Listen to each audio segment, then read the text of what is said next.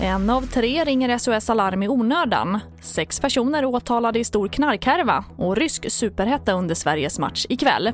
Ja, här är TV4-nyheterna som börjar med att inför midsommarhelgen uppmanar SOS Alarm alla att tänka till innan man ringer 112 för att minska belastningen. Trycket på 112 har varit högt under juni men en tredjedel av samtalen har inte varit några akuta nödsituationer. Vi kan få in samtal där eh, man står utanför porten och den är låst och man kommer inte in för man har inga nycklar med sig. Eller jag har till och med fått samtal där det är en person som har missat bussen och eh, undrar om eh, det finns någon ambulans eller någon polis som har vägarna förbi så han kan få skjuts med dem. Och det sa Sara Westström som är SOS-operatör.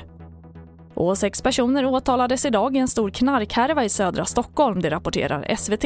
Fyra av dem för att vara inblandade i synnerligen grova narkotikabrott. Bland annat beslagtog polisen 125 kilo kokain och 15 kilo metamfetamin. Utöver det har polisen beslagtagit 33 500 ecstasy-tabletter. Polisen har även tagit stora summor kontanter i beslag. Och enligt kammaråklagare Eva Korpi är det här ett av de största beslagen som gjorts av kokain och metamfetamin i Sverige.